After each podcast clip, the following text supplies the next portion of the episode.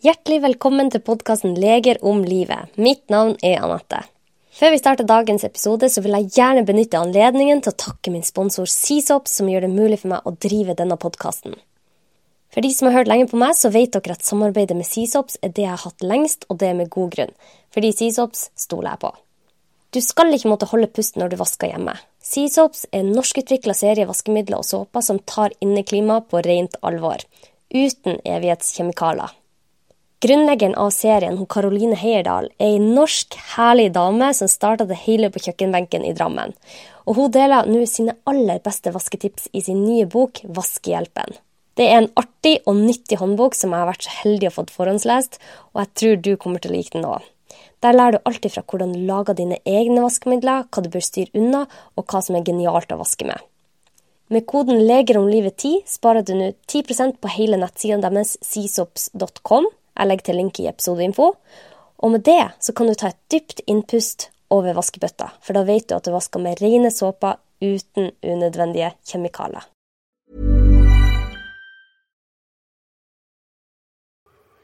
Kan jeg romme den følelsen av skyld jeg kommer i kontakt med, når jeg tar ansvar for meg selv, istedenfor at jeg går rundt og er sur, istedenfor at jeg går rundt og føler meg dårlig behandlet? Og den følelsen av skyld er dypt meningsfull, og den den kommer til å gjøre deg mer tilfreds i livet hvis du bare sier 'jeg inkluderer det i livet mitt', og øver på å romme følelsen av skyld for å ikke være sånn som jeg tror jeg burde være, nemlig en som er uten grenser.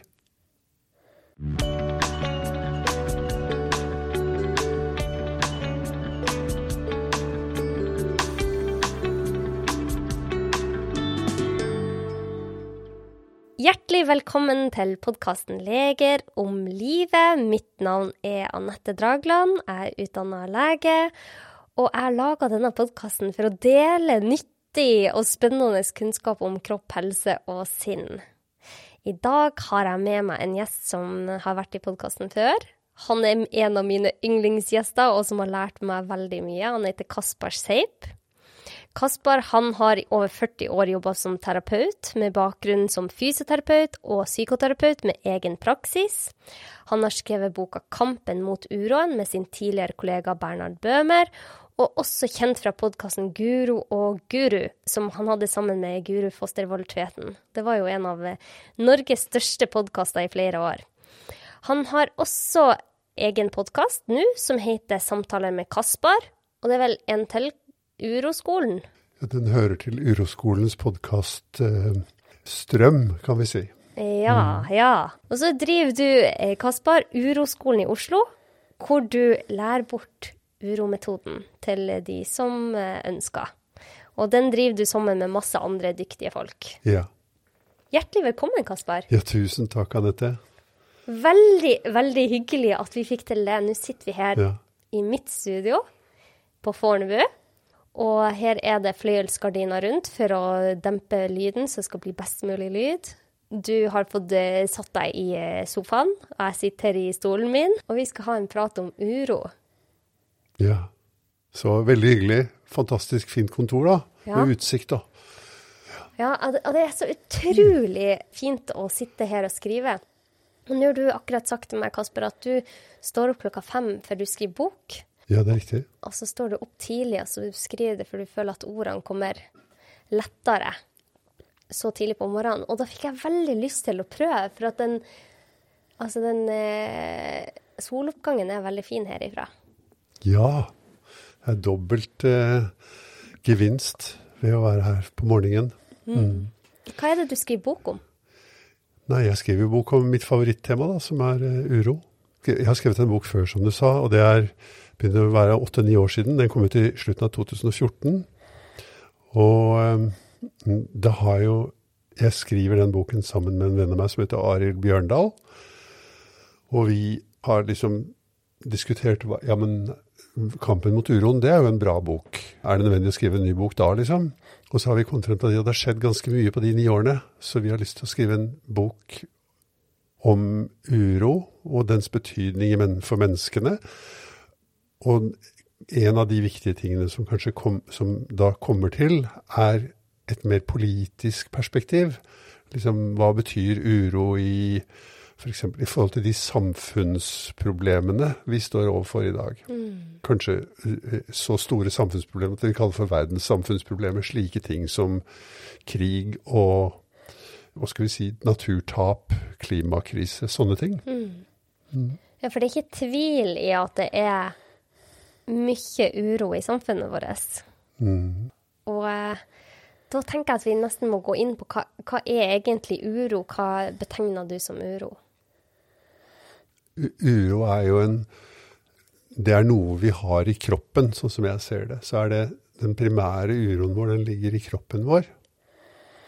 Den er en sanseerfaring fra kroppen. Akkurat som følelser er sanseerfaring fra kroppen. Det er ikke tanker som er oppi hodet vårt. Det er, det er noe vi sanser i kroppen vår. Og når vi, når vi retter oppmerksomheten mot, ja, mot bolen, altså brystet, mellomgulvet, magen, så vil vi alltid kunne kjenne uro. Kanskje avbrutt av korte øyeblikk av total ro.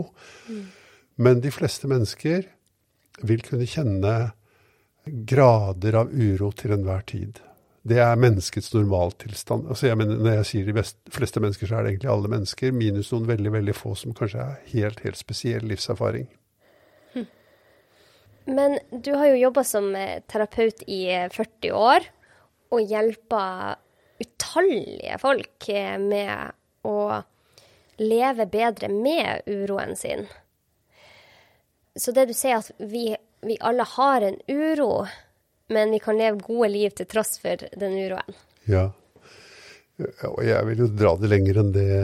Jeg vil jo si at uro Vi tror jo at Altså, vi lever i en kultur, og vi har et sinn som bekjemper uro. Det er ikke at det virker, men vi gjør det. Vi er veldig opptatt av å gjøre det. Og vi tror, på en måte den medisinske kulturen også, tror på at uro er noe vi skal bekjempe. Og vi har medisiner som gjør det, vi har kurser, og vi har masse greier som prøver å bekjempe, få kontroll på uroen. Ja. Bli kvitt uroen. Bli kvitt uroen, ja. Bli et rolig menneske. Og jeg har jo drevet veldig mye med det i mitt liv, og prøvd å bli et rolig menneske. Ja. Ikke bare rolig, men også alle andre kvaliteter som jeg trodde jeg burde ha, har jeg drevet veldig mye med. Også, og uroskolen og uroperspektivet er egentlig akkurat det motsatte, at det er uro vi må ha. Og, og at uroen er veien til alt vi lengter etter. Og den boken jeg skriver på nå, den tar det som utgangspunkt. Hva, hva mener hva legger du i det at uro er alt vi lengter etter? Uroen er veien til alt vi lengter etter. Det betyr, eh, i, motsetning til å prøve å bli kvitt uroen, skal vi undersøke å gå inn i uroen og gjennom uroen, og det vil føre til at vi får kontakt med ressurser som gjør oss rikere, som gjør, som gjør at vi ekspanderer, som gjør at det som ikke har vært mulig, blir mulig igjen. Blir mulig for oss. OK. Eh, men jeg tror de fleste bare tenker når de hører denne episoden, ja, men jeg vil lære meg hvordan jeg blir kvitt uroen min. Jeg Ja. sitter med utrolig mye uro, og jeg tror ikke det er normalt å ha så mye uro som jeg har. Og har ikke vi, vi lært at vi skal ha det bra i livet? Hvorfor skal jeg sitte med denne uroen? Det er utrolig ukomfortabelt. Ja, ja. Og hvis, det, du er sikkert sånn som meg. Som, du som tenker det er sikkert sånn som meg. Og jeg ønsker deg lykke til med å bli kvitt uroen din. Bare fortsett med det. For det er vanskelig. Ja, jeg har ikke klart det. Og jeg er 72 år snart. Så jeg, eh, jeg tror at uroen, den blir borte når vi dør. Ja. Det kan jeg jo ikke vite engang, men jeg tror det. For den er jo liksom knyttet til tanker og følelser og kroppen vår. Og kroppen og tankene og sinnet vårt blir borte når vi dør. Så da tror jeg også kanskje uroen blir borte. Men jeg har ikke tenkt å dø, jeg har tenkt å leve. Og da må jeg anerkjenne uro som en viktig del av livet, og kanskje en mer viktig og mer sentral del av livet enn det vi og sinnet vårt liker å tro. Fordi at uro er jo så ubehagelig. Og det å skulle bruke det ubehaget til noe, det er en ganske fremmed tanke. Men det er til noe. Hvordan Jeg har skrevet ut til mine følgere om de hadde noen spørsmål til deg. Og det skal vi komme til. Men en av de spørsmålene som går igjen, er hvordan kan jeg bli kvitt uroen min? Hvordan kan jeg få det bedre i livet? Hvordan kan jeg bli lykkeligere? Hvordan kan jeg få bedre selvfølelse? det er mange prøver å finne denne veien, og jeg kjenner meg så godt igjen i det, for at jeg har selv vært på den stien der. Jeg. Og jeg har lest utallige bøker eh, i psykologi og lykkeforskning og altså jeg bare jeg, hadde, jeg var helt overbevist om at jeg skulle klare å bli kvitt min uro. Men for meg så var det bare en sånn utrolig stor befrielse når jeg skjønte at eh, dette er noe som er helt normalt, og som jeg ikke trenger å bli kvitt. For at da ble den der uroen på toppen av at jeg hadde uro. Altså jeg hadde uro over at jeg hadde uro. Ja. Den ble borte. Så man kan jo eh, fint leve gode liv til tross for at man har mye uro. For jeg har jo mye uro i livet mitt, selv om jeg lever godt i dag. Ja, du vet, jeg tror jo det, det der med lykke, det er jo en veldig vanskelig håndterbar størrelse, egentlig. Men noe som ikke er vanskelig håndterbart, det er tilfredshet. Og at jeg vet at lykke, det kommer og går veldig mye i livet vårt. Da. De fleste mennesker har øyeblikk av lykke, og så har vi også øyeblikk av ulykke. Men hvis du tenkte deg at det var mulig å velge hva, Ok, vil du, hva vil du velge? Vil du velge å satse alt på å bli lykkelig, eller vil du anerkjenne at lykke, at ulykke, altså smerte og følelse av tap f.eks., er en del av menneskelivet? For hvis du anerkjenner at det er det, og, du, og når du ser nærmere etter, så er du nødt til å anerkjenne det, for du ser at ja, men f.eks. man mister noen man er glad i. Det er jo eh, noe som gjør veldig vondt, og som kjennes ut som en stor ulykke. Men det er likevel en helt normal del av livet. Det skjer hele tiden. Ja. Så, men hvis du kunne velge tilfredshet og si er det noe jeg kan gjøre slik at jeg har en grunnleggende tilfredshet, til og med når livet er ganske vilt, så vil, så jeg vil få, Det er mitt forslag, da. Jeg tror det er en bedre vei å gå, så det er større sjanse for å lykkes i. Og da jeg begynte å gjøre det, så har jeg oppdaget at eh, ja, men jeg har jo en helt annen tilfredshet med livet nå, etter at jeg sluttet å prøve å bli lykkelig. Og, jeg, og jeg mener ikke å resignere. Ikke i det hele tatt. Og å resignere er jo ikke å bli tilfreds. Det handler om å akseptere og være takknemlig for det livet vi har, også i oppoverbakkene. For det kommer oppoverbakker. Det kommer eh, smertefulle erfaringer. Det er helt sikkert. Selv de aller, aller mest suksessrike mennesker opplever det. Selv de aller vakreste, selv de aller rikeste, selv de aller klokeste opplever det. Jeg fikk et spørsmål hvordan man kan skille indre uro og angst. Jeg fikk faktisk to spørsmål om det.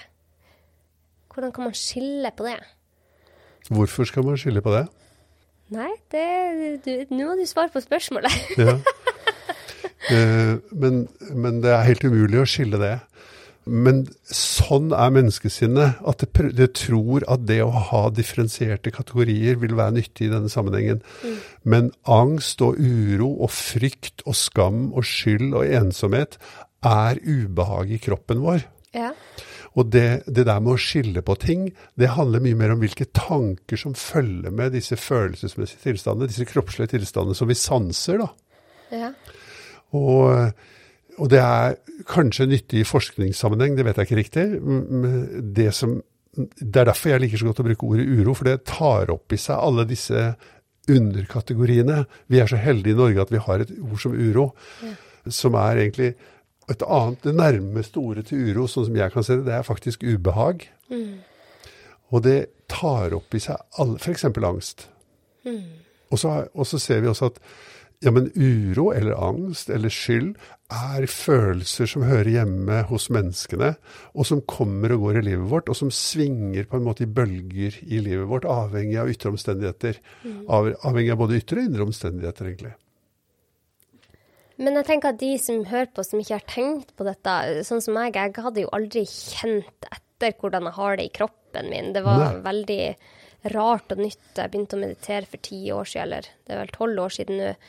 Og plutselig skulle jeg kjenne etter følelser jeg hadde i kroppen, og det var så utrolig ubehagelig. Hvordan, hvordan kan man gå inn for å kjenne etter? Altså, hvor, hvor begynner man hvis man ønsker å forstå hva uro er, og hva, hva du mener med dette? jeg tror at det man begynner med, er egentlig Når du bruker ordet meditasjon, så, så i hvert fall inkluderer det ordet å stoppe opp. Det inkluderer det å stoppe opp i verden. Å ta en pause og rette oppmerksomheten innover. Mm. For de fleste mennesker så vil det inkludere det, tror jeg. Og det å ta oppmerksomheten innover, men innover til kroppen, til det sansbare. Og det er jo ganske lett for deg. Jeg ser du sitter og holder på tekoppen din. Og du kan ta oppmerksomheten til fingrene dine som holder rundt tekoppen din, og kjenne hva, er det egentlig Hvordan kjenner jeg, hvordan erfarer jeg, hvordan føler jeg kontakten med den tekoppen? Det er en meditativ bevegelse i sinnet og med oppmerksomheten mm. som dveler ved et inntrykk. Og så kan man, så, sånn at når du spør på den måten, så vil jeg si at det er veldig nyttig å øve seg på å ta pauser i livet, hvor du blir stille og retter oppmerksomheten mot kroppen din, og sanser kroppen din. Savner kneet ditt, sanser baken din, sanser pusten din. Sanser alt som skjer i kroppen din, og at du gir det oppmerksomhet. Interessert, vennlig, tålmodig. Fritt for agenda som er av typen jeg, jeg, jeg vil ikke ha det sånn. Ja. At du istedenfor å ha den agendaen sier jeg lar alt være som det er. Jeg øver meg alt jeg kan på å tillate at det er sånn som det er. Det som er ubehagelig. Og det som er behagelig. Jeg gir det plass og tid i min oppmerksomhet. Mm. Så ser vi at sinnet vårt det, jo, det, har jo masse preferanser. Det er noe som kjennetegner menneskesinnet. Det er at det har preferanser. Det, vil, det syns noe er bedre enn noe annet. Mm. Og det er det samme som kjennetegner en kultur. Det er det som er en kultur. Det er at den foretrekker noe fremfor noe annet. Sånn at det vi snakker om nå, det er å gå utenfor det som sinnet egentlig naturlig gjør. For sinnet sier ja, men jeg vil ikke at det skal kjennes sånn i ryggen min, eller jeg vil ikke at det skal være så mye uro i magen min. Men det vi sier, er kan du vende deg mot den uroen og være sammen med den. Gi den oppmerksomhet, gi den tid. La den få være det, sånn som den er, og erfare den i sin bredde og sin lengde og sin intensitet og sin, sitt omfang, slik den er hos mm. deg akkurat nå. Og hvis du kan det i ett sekund, så kan du det jo. Og så kan du kanskje klare to sekunder også. Men hensikten med dette er ikke å klare det som en sånn slags øvelse som strekker seg over ja, minutter eller timer. Det er mer kan jeg gjenopprette kontakten med kroppen min. Du må huske på at en gang har du hatt den. Da du ble født, så hadde du full kontakt med kroppen din. Du kjente hver ting, og du ga altså uttrykk for hver, alle de tingene du følte, og alt du sanset. Og på grunn av sosialiseringen du har vært igjennom, og som alle mennesker må igjennom, så er kontakten med kroppen redusert. Det er nødvendig for oss å gjøre det for å bli samfunnsdeltakere, familiedeltakere, akseptable. Og så må vi, og nå er tiden kommet for, for den som spør, da, å ta oppmerksomheten til det, og øve opp den igjen. Evnen til å møte uro, ubehag Alle signalene og inntrykkene fra kroppen. Ikke fordi at det, eller det kunne jo være fordi at det har et innhold i seg selv, men det er også fordi at det er så nyttig for oss. Fordi at det er veien til å utvide seg som menneske. Til å få mer glede og engasjement i det livet du har fått. Mm. Skal vi ta noen eksempler, kanskje? Ja. For å liksom eh, konkretisere det litt. Mm. Jeg fikk et eh, lytterbrev. Ja. Og jeg tenkte at det var en fin måte å prøve å se på hva uro Hvordan man kan kjenne etter uroen. For vi, vi, blir jo trigga da på forskjellig vis. Jeg kan jo få uro for noe sånn som rot, og så trenger ikke du ha noe uro for det. Mm. Eh, så vi, vi får jo uro for ulike ting ut ifra hvem vi er som person. Og så var det en eh, mann som skrev oss et uh, lytterbrev når han hørte at du skulle komme på podkasten. Jeg tenkte jeg skulle lese det opp. Hei. Jeg er oppvokst med en far og en farfar som er dominerende i sosiale settinger. Det vil si, det er alltid de som prater høyest og snakker mest i sosiale settinger om de samme tingene, enten det er elbil eller krig. Det oppleves som om de overhodet ikke er interessert i det hele tatt hvordan de andre i familien har det. Jeg er oppvokst med dette. De siste årene har det gått opp for meg at det alltid har vært slik. Jeg er snart 40 år og har en sønn på 10 år, og jeg ser tydelig at når sønnen min prøver å komme til orde, henvender seg til min far, blir også han snakka i munnen på avbrutt og ikke lytta til, i den grad jeg selv setter pris på at andre lytter til meg når jeg har noe å fortelle. Dette trigger en uro i meg. Bare jeg er i samme rom som min far eller farfar, blir jeg urolig.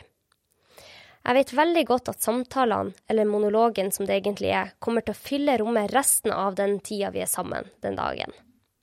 Etter å ha hørt på podkasten og lært av dere, prøver jeg hele tida å romme uroen som trigges hos meg i forskjellige settinger, og akseptere det sånn som det er. Men akkurat denne uroen er ekstra vanskelig for meg å håndtere. Det jeg egentlig vil si til min far, er denne historien har jeg hørt mange ganger før, nå er det vår tur til å bli sett og komme til orde. Jeg prata med søsknene mine som opplevde det samme på samme måte, og det er stadig et samtaleemne oss imellom uten at noen tør å si noe. Kan dere prate litt om dette? Om dominerende familiemedlemmer som prater høyest, avbryter, alltid skal fortelle om de samme tingene hver eneste gang man treffes, og aldri gir andre ordet? Mm. Ja. Det var, jo, det var, jo, en kjent erfaring. Det var en kjent erfaring for meg òg. Ja. ja. Var det det for deg òg? Ja, eh, min far eh, gir eh, ordet til meg mye, men alle har jo en eller annen person som tar mye rom. Ja. Om det er en far, eller om det er en mm. onkel, eller mm. det er en lærer. Mm. Hvordan følte du det? Jeg kjenner meg veldig igjen i den sterke lengselen etter å bli sett og hørt, da. Etter å få plass hos faren min. Mm. Og jeg kjenner også igjen mange, dette temaet fra mange mange mennesker jeg har snakket med. egentlig. Hvor sterkt det er i veldig mange mennesker. Jeg tror egentlig det er en veldig vanlig Kanskje det er helt standard en standarderfaring som vi har, vi mennesker. Nemlig at selv om vi har fått ganske mye sånn som du sier du har fått, så har vi allikevel den lengselen i oss etter å få plass hos mor og far. Mm. Og det er jo en det er en smerte der inne, ikke sant. Det er, det er, det er, når vi går inn i det og ser på det, så vil, så, sånn som brevskriveren der sånn skriver, så eh, vil det være en Eller så er det en, en uro, et ubehag, mm. som, som, han som har skrevet, møter når han er sammen med faren sin. Mm. Og så blir det jo egentlig Jeg tror det er veldig bra det han har gjort. Prøve, og jeg syns brevet egentlig vitner om det også, at han har prøvet å være sammen med den følelsen. Og kanskje han til og med har prøvet noe som er enda vanskeligere, nemlig å være for den og sier jeg går i møte med faren min for å få den følelsen. Og for å være sammen med følelsen. Og hvis faren min ikke kan leve opp til det og gi meg den følelsen, så er jeg egentlig eh, Da har jeg jo ikke fått det jeg kom for. Mm. Så det vil være veldig fremoverlent, da. For, og det, en sånn ting kan man egentlig bare si hvis man virkelig tar ansvar for seg selv og sier at det som det er sånn at det å være barn og bli såret og dominert, det er normalt for menneskene. Mm. Det er sånn det er å bli sosialisert inn i en familie, egentlig. Mm. Og det setter sine spor i oss. Og det er bare vi selv som kan ta ansvar for det. Og det er eventuelt bare vi selv som kan gjøre noe med det, hvis vi føler at det trengs å gjøres noe med det. Det er ikke slik at far gjennom å gi deg mer plass nå vil lege det såret. Hvis det såret ville være der om faren din lever eller om faren din dør. Sånn er menneskesinnet, at det tar den typen sår og gjør de Eller de fins i oss selv, og vi må selv ta ansvar for det. Og ansvar for det betyr å føle den følelsen og se For det, det går an å bruke faren sin til noe her, nemlig. Utover å vekke følelsen. Og det er å si til far Og det er å uttrykke overfor far at lengselen Jeg har alltid hatt en stor lengsel eller at, at du skulle se meg og høre meg. Og stadig vekk har jeg den lengselen.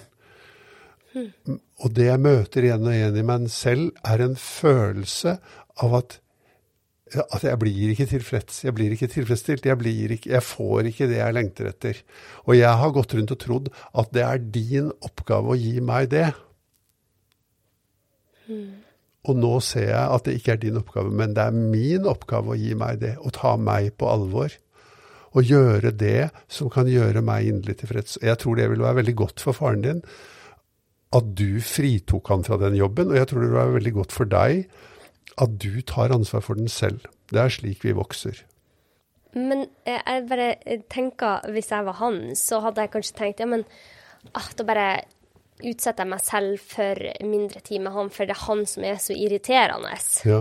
Det er han som er problemet. Jeg har det bra ellers, men når jeg er med han, da er det så slitsomt. Og alle andre syns jo det er slitsomt. Og ja. det er veldig lett å, å, tenke at det er noen andre sin Ja, det er riktig, det. Det gjør vi. Det er, det er jo på en måte utvei nummer én for sinnet. At det er noe andre det er noe gærent med. Og hvis de fikser seg, så vil det bli bra for meg også. Sånn det liker sinnet vårt å tro på. Ja, Men, men kan det, han ikke bare være litt mindre dominerende? Ja, men det, det, er jo ikke godt å vite. Det som er spørsmålet, er om kan du gjøre det som trengs for å gjøre deg lykkelig, eller deg selv tilfreds? Eh, fordi at det er bare ditt ansvar. Og du ser at Eller sånn som det ser ut for meg, og det kan være at du er enig i det, at denne følelsen i deg av å ikke få plass, denne følelsen i deg av å ikke bli sett av å bli dominert, den følelsen er din, og den er i deg til og med hvis faren din dør. Og Det betyr at du, du, får, du har en selvstendig ansvar for dette. Det er ikke faren din sitt ansvar. Faren din har bare gjort så godt han kan, og kanskje han gjør så godt han kan. I hvert fall er det sånn for meg at jeg, er, jeg, har, jeg tror ikke jeg har møtt mennesker som ikke gjør så godt de kan. Nei, jeg tror de fleste gjør så, ja. så godt de kan. Og derfor så det å be andre om å gjøre mer enn de kan, det kommer ofte ikke noe godt ut av. Det som kommer noe godt ut av, det er å gjøre noe med seg selv. Altså, kan jeg ta ansvar for de følelsene jeg har? Og det handler om å romme de følelsene, og det handler om å være ydmyk i, i livet, da. At eh, ja, men eh, det jeg har fått, det har jeg fått for å ta ansvar for selv, istedenfor å forlange at andre skal ta ansvar for mine følelser. Mm. For jeg tror alle vi Alle mennesker har en relasjon som de syns er vanskelig. Der de kjenner på en uro når de er i lag med den personen. Tenker kanskje åh, hadde de bare skjerpa seg, eller mm. kan ikke de bare ta seg sammen og mm. være mer hyggelige, eller få til mer, eller så jeg slipper å bekymre meg for de, eller så jeg slipper å bli dominert av de man har jo så veldig lyst til å bare finne jeg, jeg, kjenner i hvert fall det at man får så lyst til å bare finne løsninger, sånn at man slipper å ha det sånn. Ja, det er veldig fint. Men du ser, det uroperspektivet, da, det er at det er gjennom uro du utvikler deg. Og hvis faren din tok ansvar for din uro, så fratok han deg din mulighet til å utvikle deg. Det er de, å gå gjennom din uro, ta ansvar, helt ansvar for den selv, og utforske den selv. Gjerne ved hjelp av en annen person, en veileder eller noe sånt. En som skjønner dette.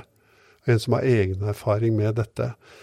Men i det øyeblikk Det du egentlig ber om da i brevet ditt, eller som du problematiserer, det er ja, men kan jeg ikke la han ta ansvaret for min uro? Men når vi lar andre mennesker, enten det er far eller det er en behandler ta ansvar for f.eks. en behandler som gjerne vil ta fra deg uroen med å gi deg en medisin, da fratas du samtidig muligheten for din egen vekst. Så hva er en annen måte han kan gjøre? Altså, når han, Neste gang han er i selskap med far, mm. og han syns at han dominerer hele samtalen, han føler at mm. hele festen blir ødelagt for faren prater så høyt og dominerende som krigen eller mm. elbiler. Og han føler også et ansvar overfor sin ti år gamle sønn, som han ikke har lyst til skal bli dominert. Mm. Hva, hva, anbefaler du han å gjøre da, sånn rent konkret? Jeg tror, jeg, Det første som faller meg når du, når du spør sånn, det er det er veldig nyttig at vi som, er, vi som er barna til noen, tar ansvar for hvor mye vi er sammen med de vi er barna til. Og for veldig mange mennesker overvurderer langt sin evne til, å, til, den tiden og intensiteten de klarer å være konstruktive sammen med sine egne foreldre. Det er vanskelig å reise på hyttetur i påska sammen med foreldrene sine. Og det å, ha, å si å ta ansvar for sine egne behov, det er jo egentlig det vi snakker om. og det å si, Nei, ja, jeg vil gjerne være sammen med mor og far på hytta i påsken, men når jeg har jeg merker at når jeg har vært sammen med dem mer enn én dag, så begynner jeg langsomt å forfalle til en større grad, stadig større grad av barnslighet selv. Og jeg blir aggressiv, og jeg blir påståelig, og jeg blir diskuterende, og jeg blir alle de tingene som jeg hater å være. Og, og det, det fins ingen andre enn jeg som kan ta ansvar for det og si at det er rett og slett for mye for meg å være sammen med foreldrene mine lang tid av gangen. Selv om normen er at man skal ha det veldig hyggelig som familie, gjerne i tre uker sammenhengende i sommerferien. Så det første man må gjøre, er å si er jeg i stand til å ta på alvor at jeg syns det er vanskelig, istedenfor å ligge legge ansvaret på at jeg syns det er vanskelig på noen andre. Mm. Men trekker man seg ikke bare unna, da? Jo, men, men, man må trekke seg unna så mye at man ikke henfaller til reaktive mønstre, som jeg nevnte i stad. Fordi når du først er fanget i, når du først er trigget, så faller vi inn i reaktive mønstre. Enten de er pågående eller tilbaketrekkende mønstre, så er jo det bare automatiske mønstre for å beskytte oss mot den smerten vi opplever i det øyeblikket. Men det blir vel ikke bedre av å si 'jeg skal aldri møte min far igjen'? Men det var ikke det jeg sa, Anette. Nei. Jeg sa, jeg sa ikke aldri, jeg sa se, se grundig på hvor mye er det godt for deg ja. å være sammen med dine foreldre av gangen. Og det betyr jo ikke og ikke Det kunne jo for noen også bety ja, det kanskje skal ta et ganske langt opphold i å være sammen med foreldrene mine. For noen mennesker betyr det det. Det er mennesker som er utsatt for overgrep, for det kan være veldig nyttig. Mm. Men det som er utfordringen, det er jo å ta ansvar for det selv, istedenfor å gå rundt og leve i en drømmeverden som er at faren min skal være annerledes enn han er. Det er ikke sikkert at han har forutsetninger for å være annerledes enn han er. Eller han har ikke det. Det er ingen mennesker som har forutsetninger for å være annerledes enn de er. Da må de, vi som arbeider med oss selv, vi må se kan jeg bli annerledes enn jeg er? Kan jeg gjøre annerledes enn jeg vanligvis pleier å gjøre? Og se hvor, lett er det, liksom. For det er ikke lett å endre seg. Så, jeg, så, så, hovedbudskapet mitt i en sånn problemstilling er jo det er jeg som må ta ansvar for om jeg har det bra eller ikke, og det er jeg som må gjøre det som er nødvendig for at jeg skal få det bra. Dette er jo veldig aktuelt også innenfor parforhold, hvor mennesker går rundt og tror at partneren har et ansvar for at jeg skal få det bra. Det er jeg totalt uenig i. Det er meningsløs forståelse av virkeligheten. Men eh, man er, jo, eh, man er jo indoktrinert med at man skal finne den eh, ene spesielle som skal befri deg fra all din mm. lidelser. Ja, drømmeprinsen eller drømmeprinsessen. Ja. ja, ja. Det er man indoktrinert med. Det er mange som tror det. Og de går fra hverandre fordi de var ikke den rette likevel, f.eks. Mm.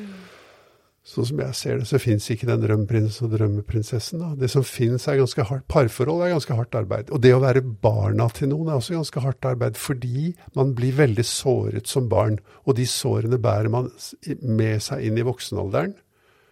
Forstår du det, du? At man blir såret som barn? Absolutt. Det å bli sosialisert betyr å bli såret. Ja, ja, ja. Det betyr å bli avvist og kneblet og presset og mange veldig ubehagelige ting.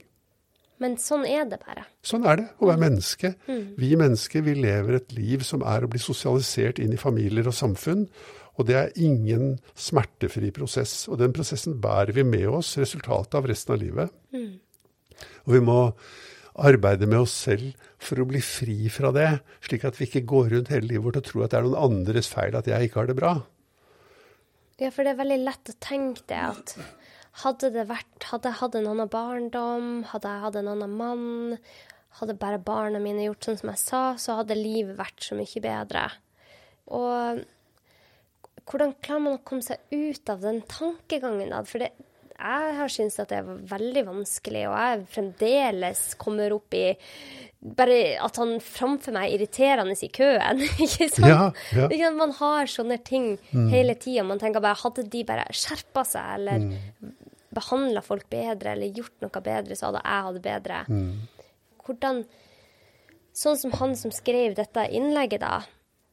Hvis han velger da å holde litt mer avstand til faren sin, for han merker at han blir eh, urasjonell, kanskje barnslig, kanskje veldig irritert. Han, han går inn i de sånn reaktive mønstrene. Mm. men at han ønsker å ha litt kontakt. Og møtes på søndagsmiddag, f.eks. Ja. Hva, hva kan man konkret gjøre når han kjenner denne uroen bygge seg opp? Ja, det, eh, hvis, hvis vi skal være veldig konkret, så heter det hold kjeft. Ok? Vær stille. Flytt oppmerksomheten inn i deg selv og kjenne etter hvor- hvordan er det å være deg når virkeligheten er sånn som det er, når faren din er sånn som den er, når alt er sånn som det er. Kan du være, og så kan du, kan du være oppmerksom innover i deg selv istedenfor utover mot det som du tror er problemet. Det er starten, og det er jo en veldig vanskelig Dette er jo ikke noen lette ting, dette her. Nei, det er kjempevanskelig. Det er en øvelse som trengs å øve og øve på, og som man trenger gode veiledere på. Og det er sikkert mye å hente i bøker og media og sånn, men det er også veldig mye i bøker og media som er sånn at det er fullt av råd som handler om hvordan du burde være, og at du skal få til å være på en bestemt måte, selv om du ikke er sånn. Det er ikke sånn at du kan bestemme deg for å være rolig. Jeg har jo prøvd å bestemme meg for det i 50 år, jeg klarte ikke det i hvert fall. Du kan ikke bestemme deg for å være tålmodig, du kan ikke bestemme deg for å være annerledes enn du er. Spørsmålet er om du kan tåle å være det og ta ansvar for det selv. Kan du tåle å ha det sånn som du har det, og ta ansvar for deg selv, istedenfor å legge det ansvaret over på andre? Men la oss si da at han, han kjenner på den uroen. Så det, det du ofte spør er er det ubehagelig eller behagelig å være deg da? Og da vil han sikkert svare at dette er veldig ubehagelig. Ja. Og så kan man stille seg da spørsmålet hvor er det jeg kjenner det i kroppen min? ja. Du, har, du, har, eh, du har begynt å lære deg uro. Metoden, ja. Metoden, Ja, ja, ja. Jeg har hørt så mye på det nå at det Ja. Og, da, og, og så eh, Mm. kjenn etter hvor er det? Sånn som min uro, jeg kjenner det veldig ofte i brystet. Ja. Eller i halsen. Mm. Noen kjenner det i ryggen. Noen kjenner det i hofta. Ja. Eh, men veldig mange kjenner det i mellomgulvet. Ja. Så la oss si at han kjenner det da i, i brystet, det knyter seg i brystet. Ja. Han sitter og ser på faren sin, som dominerer hele samtalen. Han hadde lyst til å snakke med mor si eller Ja. søstera si, men han får ikke ordet Mm. fordi at faren dominerer. Da skal han se innover og kjenne etter hvordan det er. Kan du være sammen med den følelsen? Det betyr å holde den i oppmerksomheten din ett sekund. Ikke et halvt minutt eller et minutt eller ti minutter eller resten av dagen eller resten av ferien, men i ett sekund. Det, jeg har ikke truffet noen mennesker, selv mennesker som har det veldig veldig kritisk vanskelig, har sagt til meg at de ikke kan klare det. De har sagt at de kan ikke klare det resten av livet, eller de kan ikke klare det etterpå. For det er sånn man forstår det spørsmålet. Det er, kan, hvis jeg sier 'kan du klare å være sammen med den følelsen', så sier folk nei fordi Men hvis jeg sier 'kan du klare å være sammen med den følelsen akkurat nå', så sier folk ja. Jeg kan klare det akkurat nå, men jeg kan ikke klare det videre. Men du ser, det er slik menneskesinnet fungerer, at det setter opp tanker om fremtiden istedenfor å holde seg til her og nå. Ja. Og det er her og nå jeg har den følelsen. Kan jeg klare det nå? Hvis jeg kan klare det nå, så kan jeg kanskje klare det nå også. Og nå kanskje. Men nå har i, i, i seg selv ingen utstrekning. Nå, har, nå er ingen tid. Kan jeg klare det akkurat nå? Og gjennom å øve på det, vil vi øke kapasiteten til å være sammen med uro. Og jeg ser ingen annen vei å gå. Enten det er akkurat denne personen, eller deg eller meg, eller samfunnet vårt, eller menneskene. menneskene. Hvis menneskene skal overleve, så trenger de å gjøre det. Romme sin uro. Si, være stille rette oppmerksomheten innover og si 'jeg blir her sammen med det som er så vanskelig inni meg'. Ikke sammen med tankene om at faren min er en dust eller eh, for dominerende, men sammen med hvordan er det å være meg når faren min er sånn som han er. Hva vil det føre til, tenker du, vil- han? Ja, det vil føre til at du finner det du lengter etter. Det vil føre til at du får kontakt med ressurser som gjør at du vil kunne opptre annerledes overfor faren din. Og når du opptrer annerledes overfor faren din, så vil det ha konsekvenser også for faren din. Det er veldig mye som forandrer seg gjennom at du forandrer deg. Så det, jeg, jeg vet at det fører til det. Sant? Jeg har holdt på med dette så lenge at jeg vet det. Det fører til det.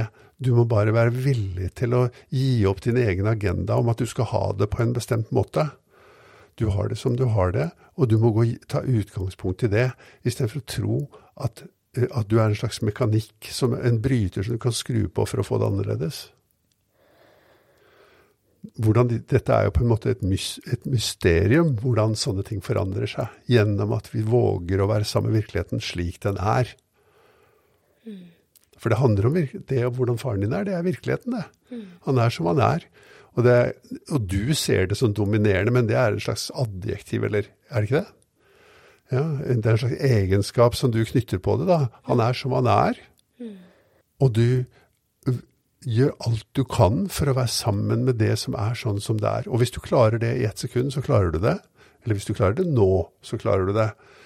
Og så er det sånn, jeg er helt sikker på at for deg, sånn som for meg, så har det vært sånn at det å å strekke det utover lang tid, det er helt umulig.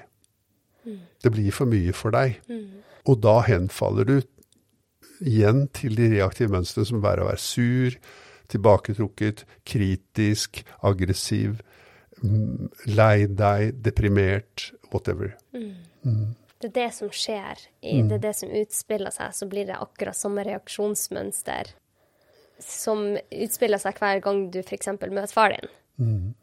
Og hvis du da klarer å håndtere eller kjenne på dine følelser, så vil du med tida kanskje også håndtere situasjonen annerledes, som igjen kan endre situasjonen. Det er det du tenker? Ja, ja.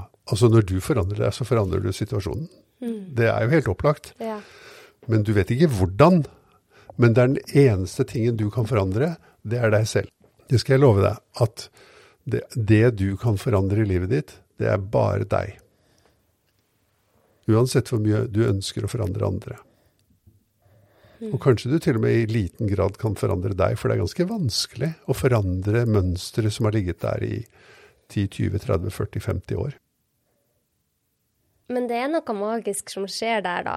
Hvis man klarer å istedenfor å reagere, stoppe opp om det så er et halvt sekund før man har tenkt til å svare irritert tilbake til faren sin, f.eks.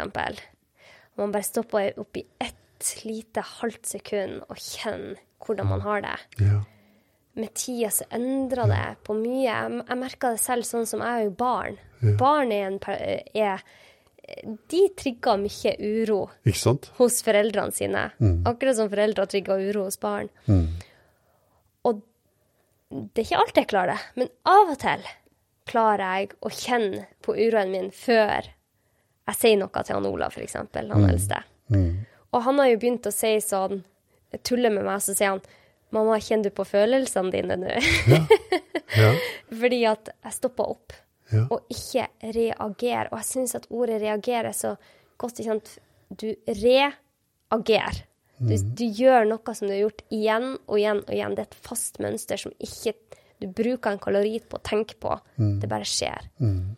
Men så kan man endre det mønsteret, og det syns jeg er ganske fascinerende, Kaspar. Og det er det du jobber med eh, med dine, de som er på uroskolen. At man kommer ut av disse reaktive mønstrene, og da kan magiske ting skje. Ja.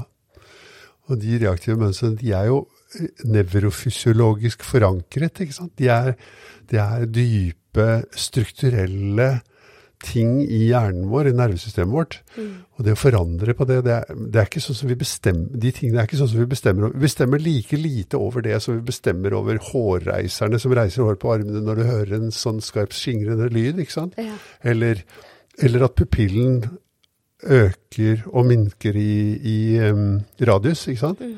Avhengig av lyset. Mm. Eller at uh, det utskilles et eller annet hormon inni kroppen. Det er ikke ting vi bestemmer over. Det er ting som nervesystemet og organismen bestemmer helt utenfor vår kontroll. Sånn er det vi snakker om. Og ikke, Derfor kan vi ikke bare bestemme oss for å bli bedre mennesker, men vi kan påvirke det gjennom å klare å romme smerte, romme uro, romme det ubehag vi får i kroppen når virkeligheten er sånn som den er. Mm. Derfor så er det at faren din er irriterende, en stor gave. Ja, så, så, så, hvis jeg har uro, skikkelig uro, Kaspar, i kroppen, så kan jeg heller si velkommen. Takk for at du er her med meg. Nå, uro. Eller irritasjon, eller sjalusi, eller frustrasjon. Så kan jeg på en måte velkomme den følelsen som jeg får inni kroppen når det skjer. Ja. ja, ikke sant. Jeg tror jo at dette kan sammenlignes med eh, urolige barn. At eh, barn som, har, barn som skriker, er urolige eller har det vanskelig, det, hva er det de trenger? Jo, de trenger en voksen som tåler det. En en voksen som sier 'du kan få være hos meg sånn som du er'. Og sånn er de følelsene. De, er vant, de følelsene er på en måte vant til å bli avvist. De er vant til å bli avvist av oss selv. Og si 'nei, jeg vil ikke ha deg, jeg vil ha en annen følelse'. Gå vekk, uro. Og det uroen trenger, det er at jeg sier til den 'Å ja, er det deg, ja'? Ja, nå kjenner jeg deg. Du skal få være hos meg. Jeg har tid til deg, jeg har plass til deg, jeg har kapasitet til deg. Og det er ganske stor forskjell å gjøre det enn å si 'Å nei, der er den uroen igjen, jeg må få den bort'. Jeg må tenke på noe annet. Ja, det er det. Men det er også slik at ja, men vi har begrensninger for, for hvor mye smerte vi klarer å ta imot. Og, da, og hvis jeg er et voksen menneske, så er det jo jeg som har ansvar for det. Og si det er for mye for meg å være på hytta så mange dager. Men jeg kan være på hytta en dag. Det vil jeg veldig gjerne. Ja. Ikke sant? Kanskje jeg kan reise meg til frokost dagen etter, eller noe sånt. Istedenfor å gjøre det til de andres problem. Men jeg kjenner jo veldig mange mennesker som har store problemer med å stå opp for det, og si det som det er, da. Nei, det er for mye for meg med mer enn én dag. Eller to dager, eller tre, eller hva det er. De aller fleste mennesker sier nei, jeg klarer fint en uke. Ja. Ja, og så vet de inni seg at etter to dager så begynner det å bli fryktelig vanskelig. Ja. Da blir det en amper stemning, og det som hjelper da, det er mat og vin og mange ting som er egentlig bare skaper avstand mellom oss, da. Som ikke funker som funker ikke noe godt som medisiner. For man tenker at man må jo bare ta seg sammen. Herregud, jeg klarer jo ei uke på hytta med familien. Det er helt riktig. Det er jo det vi bruker aller mest, det er det å ta oss sammen. Det er den mest brukte psykologiske teknikken som fins. Det er å forsøke å få til noe man ikke får til. Det er dypt menneskelig, men det funker jo ikke. Men jeg, jeg, jeg bare kjenner, jeg kjenner den følelsen da, og sier nei, vet du hva, jeg klarer ikke å være på hyttetur i ei hel uke med dere. Ja, ja. Eller eh, mamma og pappa er kjempeglad i dere, men jeg må begrense det til to dager. ja. For, det, det, for meg så er det nok tid, og hvis det blir over det, så blir jeg veldig urolig, f.eks. Og hvilken følelse får du når du skulle si det? Da får jeg en veldig stor uro, ikke sant? Ja. Vil du det, da? Nei, det kommer han så voldsomt imot. Der ser du, der er det igjen. Ja. Så sier at det at du våger å stå opp for deg selv, det setter deg øyeblikkelig i kontakt med en uro som du har ansvar for, og som du kan si 'å ja'. Og den uroen Jeg vil jo kalle den uroen for skyld og utilstrekkelighet. Ja. Og den skylden og utilstrekkeligheten må jeg ta ansvar for selv, istedenfor å gå rundt med, med sånne drømmeforestillinger om hvordan familien min burde være. For familien min er som den er. Faren min er som han er. Kan jeg romme den følelsen av skyld jeg kommer i kontakt med, når jeg tar ansvar for meg selv? Istedenfor at jeg går rundt og er sur. Istedenfor at jeg går rundt og føler meg dårlig behandlet. Og den følelsen av skyld er dypt meningsfull, og den, den kommer til å gjøre deg mer tilfreds i livet hvis du bare sier 'jeg inkluderer det i livet mitt', og øver på å romme følelsen av skyld for å ikke være sånn som jeg tror jeg burde være, nemlig en som er uten grenser.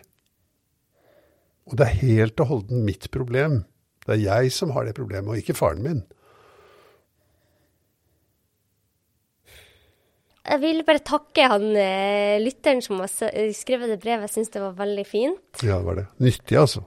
Og jeg håper at du får litt eh, At du klarer å kjenne litt på uroen, og at du får det bedre med de verktøyene han Kaspar gir her. Og så kan, og så kan han jo jo kontakte Uroskolen og delta på kurs og eh, lese boken og kanskje lese den nye boken når den kommer. Det kommer en ny urobok. Det er en stund til da, men vi holder på og skriver. Ja, dere har jo sånne vandringer på uroskolen som man syns er veldig Det høres så utrolig fint og nyttig ut. Ja, det er veldig bra. Da er vi i naturen i en hel uke og lever i naturen. Og det er akkurat som det å være i naturen, det gir veldig mye hjelp, altså. Til å arbeide med disse tingene her. Det der med å gjenkjenne hva som skjer inni oss, og være sammen med det og gi det plass og tid. Klare å romme uro, da. Mm. Er, eh, for meg så er det naturen er et laboratorium som er helt enestående for akkurat det. Så Derfor så har vi mange vandringer, og til sommeren har vi flere. Og det er enda noen plasser, det er ikke så mange dessverre, men det er enda noen plasser. De fyller seg nok fort opp etter denne episoden. Ja, kanskje det. Ja. Men du Kaspar, jeg har noen flere lytterspørsmål før vi eh, skal legge på for dagen. Jeg tenker ja. vi må få tid til det før du skal videre. Og eh, et sånt eh, veldig konkret spørsmål var ei som skrev Hvis du skulle gitt ett råd til et menneske med sterk indre uro, hva ville det vært? Bestem deg for å prøve å beholde den. Der er du igjen. Takk for at du er med meg i dag. Ja, der er du, ja. Jeg skal gjøre alt jeg kan for å være sammen med deg. Du skal få være her. Jeg har bestemt meg for det. Du skal få være her. Og jeg syns det er innmari vanskelig, men jeg begynner nå. Igjen og igjen og igjen gjør jeg alt jeg kan for å være sammen med deg. Hmm. Jeg tror det er veldig det var egentlig et veldig fint spørsmål, da, fordi at du ser i det øyeblikket du tar den beslutningen og sier ja, men jeg, jeg skal gjøre alt jeg kan for å beholde denne følelsen, mm. da gjør du noe som du aldri har gjort før. Ja. Hittil i livet har du gjort alt du kunne for å bli kvitt den. Ja. Og det har ikke hjulpet? Det har ikke hjulpet. Så da snur vi 180 grader, og så gjør vi alt vi kan for å beholde den. Og så ser man hva som skjer da. Ja. Jeg har jo sett det noen ganger, så jeg vet at det er et godt råd da. Ja. Mm. Jeg fikk også et spørsmål fra ei mor som skrev at hun kjente på så utrolig sterk uro som hun ikke følte hun klarte å romme. Hver gang sønnen kjørte av gårde med bilen, for hun hadde nettopp fått lappen, og hun var så redd for å miste han. Mm. Hva sier du til henne? Nei, jeg sier jeg har, hørt, jeg har hørt det før. Vi er jo redd for barna våre. Mm. Og det er ingenting du kan gjøre med det som kommer til å være konstruktivt, annet enn å vende deg inn mot deg selv og din egen uro, og ta ansvar for den, istedenfor å være en, eh, en mamma som ikke slipper en 18-åring. For en 18-åring er ferdig med å bli oppdratt av moren sin, og må ut i livet. Og det du ikke har gitt han før, det klarer du ikke å gi han ved å forsøke å oppdra han etter han er 18. Det er ikke noen god idé. Mm det er en god idé å si ja, men jeg blir veldig urolig, for jeg synes det er, så, det er så mye skummelt der ute i verden. Det er jo ikke bare bilkjøring, men jeg syns også det. Jeg har både barn og barnebarn. Jeg syns det er veldig skummelt der ute i verden. Jeg vil at de skal ha det bra. Ja. Men jeg vet at de kommer til å få det vondt også. Og det er vanskelig å akseptere det. Og det er vanskelig å gi ansvaret til dem. Og da, hvis jeg skal klare det, så må jeg romme min egen uro. Jeg må si ja, det er faktisk ikke min, mitt, det er ikke min jobb. De har livet foran seg, jeg har det bak meg. De må ta, lære seg å ta ansvar for sitt eget liv. Og det må de finne ut av selv. Det hjelper ikke å ha en veldig smart mor eller en veldig smart far som forteller ungdommen hva de skal gjøre. Og man har så lyst til å bare si de gjerne kjempekloke ordene det sekundet gutten drar ut på kjøretur. Ja, at han kjørte eh, sånn som mamma ville kjørt? Ja. ja. Kjørte du sånn som mamma ville kjørt? Hadde han fått lappen? Nei. Nei, Ikke jeg heller. Ja. Det er vanskelig å romme sånn uro, Kaspar. Ja, det er det. Men da kan man jo få hjelp. Man kan ta kontakt på uroskolen. Ja, man kan det. Mm. Det er fint. Vi har noen flere spørsmål før vi skal legge på for dagen. Jeg har generalisert angstlidelse og er veldig ofte i framtida. Jeg uroer meg for ting som kan skje eller kommer til å skje. Hvordan kan jeg få en her og nå-følelse i livet? Ja. ja. det første jeg har lyst til å si, er det går ikke an å være i framtida. Du er alltid her nå. Så det du snakker om, du som har skrevet inn, det er jeg, har, jeg syns det er vanskelig å ha oppmerksomheten min på her og nå. Det betyr ikke at jeg ikke er her og nå. Jeg går ikke an å være noe annet sted enn her og nå. Så hvordan trener vi oppmerksomheten? Og da er vi over på noe som er konkret. Og det heter mindfulness, eller heter oppmerksomhetstrening. Og det finnes masse fin opplæring i oppmerksomhetstrening. Og da må man ville det, da. Mm. Og det er en veldig, et fint sted å begynne i vår tid, det er å legge bort telefonen. Og så, hva kommer jeg i kontakt med når jeg slutter å dytte forskjellige slags angstdempende medisiner, sånn som mobiltelefon, inn i ansiktet mitt? Jo, da kommer jeg i kontakt med angst eller uro. Ok, er du klar? Og så sier jo hun, denne personen som har skrevet inn her, nå kjenner jo ikke jeg henne, men hun sier jo at hun har en lidelse, og at dette er en slags sykdom. Det ligger underforstått i brevet, da. Og det er jeg helt, helt uenig i. Det er ikke en sykdom. Det er et drama som utspiller seg i ditt sinn, og alt som trengs, er at du lærer deg å håndtere angst. Og det, begynner, og det kan du begynne med her og nå. Og hvis du klarer det i ett sekund, så klarer du det jo. Og du, du, hører du det, Anette, at når jeg snakker om det, så blir jeg litt streng? Ja, du blir litt streng nå, Kaspar. Fordi, og det er jo jeg, Det kan godt være at jeg er streng, men vidt, her er det Hvis du vil noe annet enn å gå rundt i ditt eget lille drama, så må du gjøre en innsats. Og det krever et arbeid, og det er veldig krevende. Og vi lever i en kultur, og vi har et sinn som ikke er villig til å gjøre det arbeidet. Mm. Vi lever i en kultur som sier ja, men hvis du har angst, så skal du få en pille som tar bort den angsten. Jeg mener at det er veldig, en veldig dårlig løsning. Det er ikke en løsning, det funker ikke over tid. Det som funker over tid, er at jeg tar ansvar for den angsten jeg har inni meg, og lærer meg å håndtere den. Jeg har ikke sett et eneste eksempel på at det ikke går an. Hmm. Men man må ville det. Og det ligger ingen kritikk fra min side av den personen, fordi at vi alle sammen har vokst opp i den samme kulturen som er angstfiendtlig, ang som er angst, har angst for angst, da. Ja. Og som prøver å fjerne angst. Ja. Så det vi snakker om å gå utover en kultur som gjennomsyrer vårt samfunn, og som gjennomsyrer sinnet vårt. Og den er at angst er helt ufarlig. Det eneste som trengs, er å møte den. Og da kommer den til å sprekke og bli til akkurat det samme som et troll i eventyret blir til når det får solen på seg. Det blir til gråstein. Ja, det er vanskelig, da. Det er mange som sliter med angst, Kaspar. Men ja, ja, jeg vet det. Eh, det er veldig mange som sliter med angst. Det er også egentlig paradoksalt i et samfunn som har så mange virkemidler mot angst. Liksom. Hvis de hadde funka, så hadde det jo ikke vært det, men saken er den at det blir flere og flere. Ja. Ja. Det sier jo litt om at de verktøyene vi bruker er dårlige.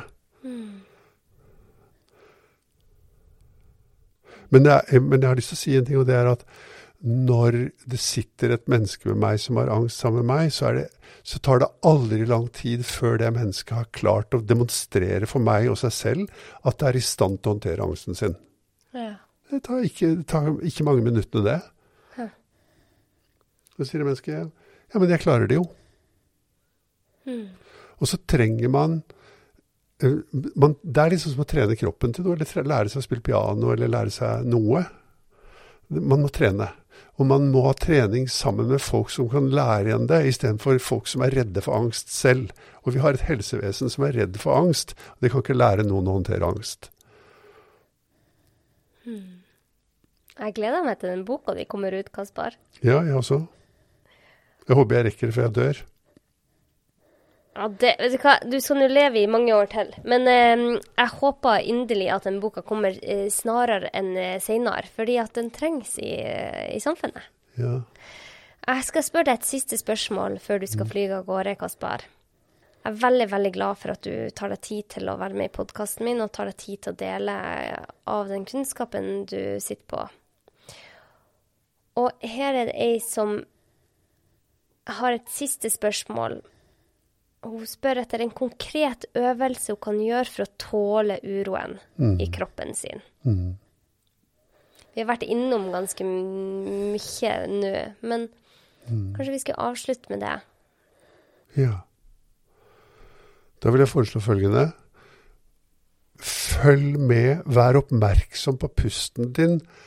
En hel innpust og en hel utpust.